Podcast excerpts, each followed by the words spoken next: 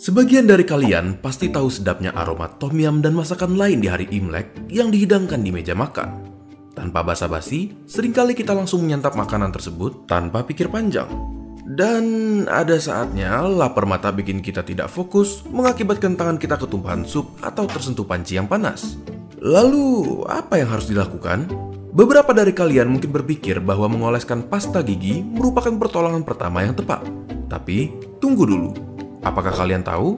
Cara yang tepat merupakan menaruh luka bakar di bawah air mengalir sekurangnya 10 menit atau hingga berkurang panasnya. Efektif bukan?